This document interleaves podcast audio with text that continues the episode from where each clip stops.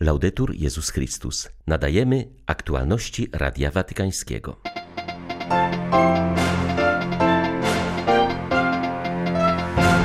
Papież pozostanie jeszcze kilka dni w szpitalu, poinformował watykański rzecznik. Zapewnił, że Franciszek cieszy się ze zwycięstwa Włoch i Argentyny w kontynentalnych mistrzostwach piłki nożnej. Na Mistrzostwach Europy wygrały gra zespołowa i fair play, uważa ksiądz Sanchez de Toca, odpowiedzialny w Watykanie za duszpasterstwo sportu. Uchwalone przez Parlament Europejski przepisy o ochronie małoletnich w sieci są niewystarczające. Prawo do prywatności wzięło górę nad dobrem dzieci, ostrzega założyciel Stowarzyszenia Meter. 12 lipca witają Państwa Łukasz Sośniak i Beata Zajączkowska. Zapraszamy na serwis informacyjny. Papież pozostanie jeszcze kilka dni w szpitalu, aby zoptymalizować terapię medyczną i rehabilitacyjną. Czytamy w dzisiejszym komunikacie o stanie zdrowia Ojca Świętego. Dyrektor Biura Prasowego Stolicy Apostolskiej podaje, że Franciszek przeżył spokojny dzień, ale zarazem przyznaje, że cieszy się ze zwycięstwa Włoch i Argentyny w kontynentalnych mistrzostwach w piłce nożnej. Dzieląc z bliskimi radość ze zwycięstwa reprezentacji Argentyny i Włoch, Ojciec Święty mówił o znaczeniu sportu i jego wartościach a także o sportowej umiejętności przyjmowania każdego wyniku, nawet porażki. Tylko w ten sposób, w obliczu życiowych trudności, można zawsze podejmować grę, walcząc bez poddawania się, z nadzieją i ufnością, powiedział cytowany przez Matea Bruniego papież. Watykański rzecznik poinformował, że zakończył się już chirurgiczny etap papieskiej rekonwalescencji. Mówiąc jeszcze o wczorajszym dniu, Bruni dodał, że przed odmówieniem modlitwy Anioł Pański Franciszek spotkał się z młodymi pacjentami z oddziału onkologicznego i ich rodzinami, a następnie udał się z nimi na taras na dziesiątym piętrze na modlitwę maryjną. Na zakończenie modlitwy przywitał się z pacjentami na piętrze i porozmawiał krótko z personelem medycznym i pielęgniarskim. Po południu zaś odprawił mszę świętą w prywatnej kaplicy wraz z personelem, który mu codziennie towarzyszy. To nie przypadek, że finał Mistrzostw Europy w piłce nożnej w Londynie miał miejsce właśnie wczoraj we wspomnienie świętego Benedykta, patrona Europy, uważa ksiądz Melchor Sanchez de Toca, odpowiedzialny w Watykanie za duszpasterstwo sportu. Jego zdaniem ten opatrznościowy zbieg okoliczności przypomina nam, że pomimo Brexitu Wyspy Brytyjskie nadal należą do Europy. Komentując wynik wczorajszego meczu, hiszpański kapłan z Papieskiej Rady Kultury podkreśla, że na tych mistrzostwach o zwycięstwie Włochów zadecydowała gra zespołowa i fair play. Były to jedne z najpiękniejszych mistrzostw ze względu na fair play. Aż przykro mówić, że to fair play było dla nas zaskoczeniem, bo przecież powinno być czymś normalnym w każdej dyscyplinie sportu. Bo inny nie jest nieprzyjacielem, lecz po prostu współzawodnikiem na stadionie. A po zakończeniu gry, po zejściu ze stadionu, powracamy do normalnego życia i stajemy się przyjaciółmi. Na tych mistrzostwach doceniona też została gra zespołowa, bardziej niż dokonania indywidualnych graczy. Wiele drużyn pokazało piękną grę zespołową. Jest to temat, do którego papież Franciszek często powraca. Zachęca do gry zespołowej. Mówi, że nie można grać w pojedynkę, jakby się chciało samemu zjeść piłkę. I właśnie to widzieliśmy na tych Mistrzostwach Europy. Być może jest to znak nadziei również dla nas, że po brutalnej pandemii nauczymy się grać wszyscy razem. Kościół powszechny stracił wielkiego świadka wiary. W wieku 81 lat zmarł kardynał Laurent Monsengwo Passinia, emerytowany arcybiskup Kinshasy. Był oddanym i odważnym pasterzem w Demokratycznej Republice Konga od lat targanej potężnymi konfliktami i wytrwałym budowniczym pokoju i pojednania w Afryce. Przez pięć lat był też członkiem Rady Kardynałów doradzającej Franciszkowi w reformie kurii rzymskiej i zarządzaniu Kościołem. To był wielki człowiek Boga, zarazem mocno wierzący w wartość osoby ludzkiej. Jego śmierć jest dla Kościoła i naszego kraju ogromną stratą. W rozmowie z Radiem Watykańskim wskazuje na to kardynał Fridolin Ambongo, który jest następcą zmarłego na stolicy arcybiskupiej w Kinszasie.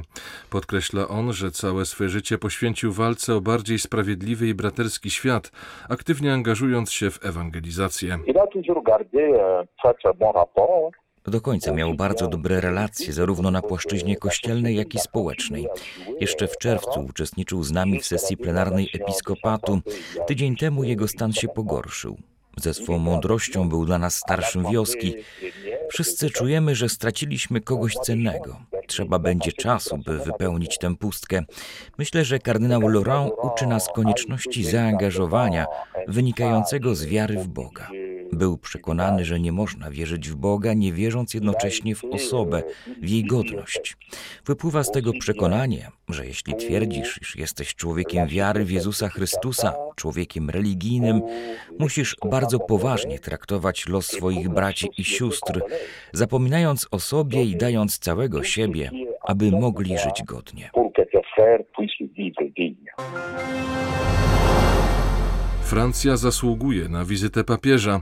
Jest taki projekt i mam nadzieję, że do niego dojdzie, mówi kardynał Pietro Parolin w wywiadzie dla francuskiego dziennika La Croix. Watykański sekretarz stanu pytany był m.in. o wypaczenia sekularyzmu w relacjach państwo-kościół i zaplanowaną w najbliższym czasie publikację raportu niezależnej komisji na temat nadużyć seksualnych.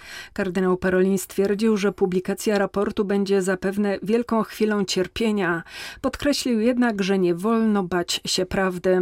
Musimy na to spojrzeć z innej perspektywy i to też jest powód, dla którego poprosiliśmy o powołanie tej komisji, aby naprawdę zrozumieć co się stało, mówi hierarcha. Podkreśla, że nawet jeżeli wyniki raportu zasmucą i zgorszą wiele osób, to trzeba przez to przejść. Z tego może się zrodzić nowa świadomość do walki z tymi nadużyciami i do zapobiegania tym czynom w przyszłości, uważa kardynał Parolin. Niezależna Komisja do Spraw Nadużyć Seksualnych wobec Małoletnich i Osób Niesamodzielnych w Kościele została powołana z woli francuskiego episkopatu i wyższych przełożonych zgromadzeń zakonnych w tym kraju. W jej skład wchodzi wchodzi 21 osób. Są to wierzący różnych wyznań, agnostycy i ateiści. Nie ma wśród nich duchownych ani przedstawicieli ofiar wykorzystywania seksualnego. Dla maleńkiej Słowacji odwiedziny papieża są wielką radością. Marzyliśmy o tym, ale mieliśmy świadomość, że Franciszek ma ważniejsze wizyty do odbycia. W ten sposób rzecznik słowackiego episkopatu komentuje decyzję Ojca Świętego o aż czterodniowej wizycie w tym kraju, która będzie miała miejsce we wrześniu. Papież przyjeżdża umocnić naszą wiarę osłabioną przez sekularyzację, materializm i indywidualizm, mówi Radiu Watykańskiemu ksiądz Martin Kamara. Wskazuje, że po czasach komunizmu postępująca sekularyzacja jest jednym z największych wyzwań, jakim Kościół w tej części Europy musi stawić czoło. Dla nas czas komunizmu to był bardzo trudny moment, ale jednocześnie ludzie czuli silną potrzebę pozostania wiernymi Ewangelii i Ojcu Świętemu, walki o swoją wiarę. Dzisiaj, kiedy paradoksalnie mamy wreszcie wolność i stajemy się bogatsi z materialnego punktu widzenia, w pewnym sensie trudniej jest wytłumaczyć młodym, dlaczego ważne jest zachowanie naszych korzeni, wiary i życie zgodne z nią, bez podążania jedynie za rzeczami materialnymi, a więc bez konsumpcjonizmu jako priorytetu. Wielkim wyzwaniem jest u nas właśnie sekularyzacja i konsumpcjonizm. Do tego dochodzi wyzwanie indywidualizmu, tendencja do zapominania o słabszych. Niestety, kiedy nam samym poprawiają się warunki życia, zapominamy o potrzebujących, o tych, co zostają w tyle. Rzecznik słowackiego episkopatu wylicza, że papież odwiedzi Bratysławę i Koszyce, siedziby dwóch metropolii łacińskich oraz Preszów, czyli metropolię grecko-katolicką.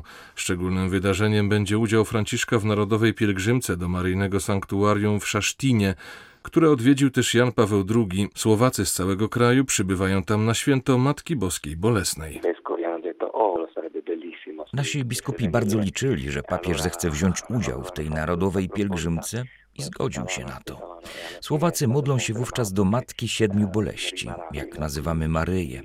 Jest to bardzo ważna pielgrzymka dla Kościoła na Słowacji, która przetrwała także w czasach komunizmu, mimo że reżim był jej przeciwny i dążył do jej zlikwidowania. Pielgrzymka po dziś dzień odbywa się 15 września i papież Franciszek weźmie w niej udział. pure.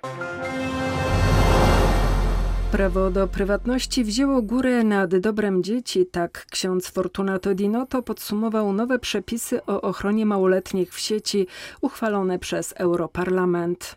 Jego zdaniem Unia Europejska wykazała się tchórzostwem w kwestii ochrony wykorzystywanych, a nowe przepisy to kpina z ofiar. Wraz z założonym przez niego stowarzyszeniem Meter ten sycylijski duchowny od ponad 30 lat jest zaangażowany w walkę z pedofilią i pornografią dziecięcą. W ciągu półtora roku pandemii przestępstwa internetowe wobec nieletnich wzrosły o 77%. Ta poważna sytuacja została dostrzeżona przez Parlament Europejski, który przyjął nowe przepisy mające na celu skuteczniejszą ochronę dzieci i młodzieży przed nadużyciami seksualnymi w sieci. Zdaniem księdza Dinota Europarlament stracił szansę na wprowadzenie rzeczywistych zmian, a te, które uchwalił są chybione. Nowe przepisy nie zobowiązują dostawców internetu do podawania danych twórców pedofilskich treści, co bardzo utrudnia dochodzenie.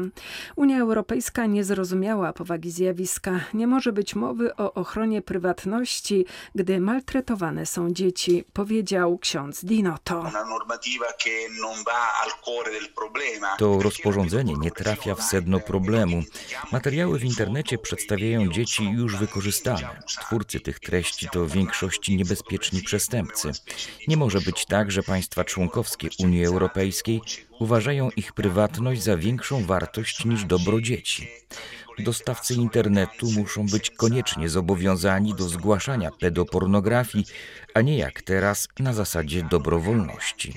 Te dane są kluczowe dla znalezienia winnych przestępstwa. Europosłowie przed głosowaniem powinni zobaczyć te pornografie, gwałcone niemowlęta i inne odrażające formy przemocy. Może wówczas właściwie oceniliby powagę problemu, który papież nazwał globalną plagą. W Europie wykorzystywanych jest 19 milionów dzieci. Nie można zamykać na to oczu. Papież powiedział, że wszystkie państwa muszą się zaangażować w walkę z wykorzystywaniem najmłodszych, ponieważ nie jest to zjawisko marginalne. Słynny szwedzki szpital oferujący zabiegi zmiany płci u dzieci i młodzieży zdecydował o zaprzestaniu przeprowadzania takich operacji. Wpływ na decyzję placówki miało orzeczenie brytyjskiego Wysokiego Trybunału Sprawiedliwości. Sąd uznał, że nie ma dowodów na to, iż zmiana płci przynosi poprawę stanu zdrowia nieletnich pacjentów. Jest wręcz przeciwnie. W wyniku przemiany u osób transseksualnych pojawiają się negatywne i nieodwracalne konsekwencje. Są nimi choroby układu krążenia, osteoporoza, bezpłodność, zwiększone ryzyko raka i zakrzepica. Trybunał wyraził zdziwienie i konsternację, że tak mało rzetelnych danych zbiera się przed rozpoczęciem leczenia, nawet w przypadku dzieci przed okresem dojrzewania.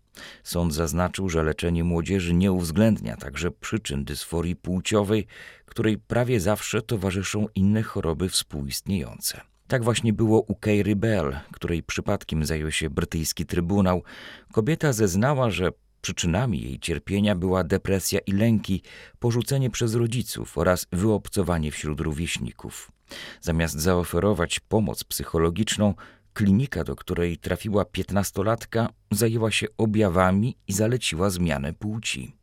Zdaniem sądu lekarze sromotnie zawiedli swoją pacjentkę, wmawiając nastolatce, która nie rozumiała wówczas konsekwencji swoich decyzji, że wszystko załatwią hormony i zabieg. Byłam nieszczęśliwą kobietą, która potrzebowała pomocy. Zamiast tego potraktowano mnie jak eksperyment, powiedziała w sądzie Keira Bell. Były to Aktualności Radia Watykańskiego. Laudetur Jezus Chrystus.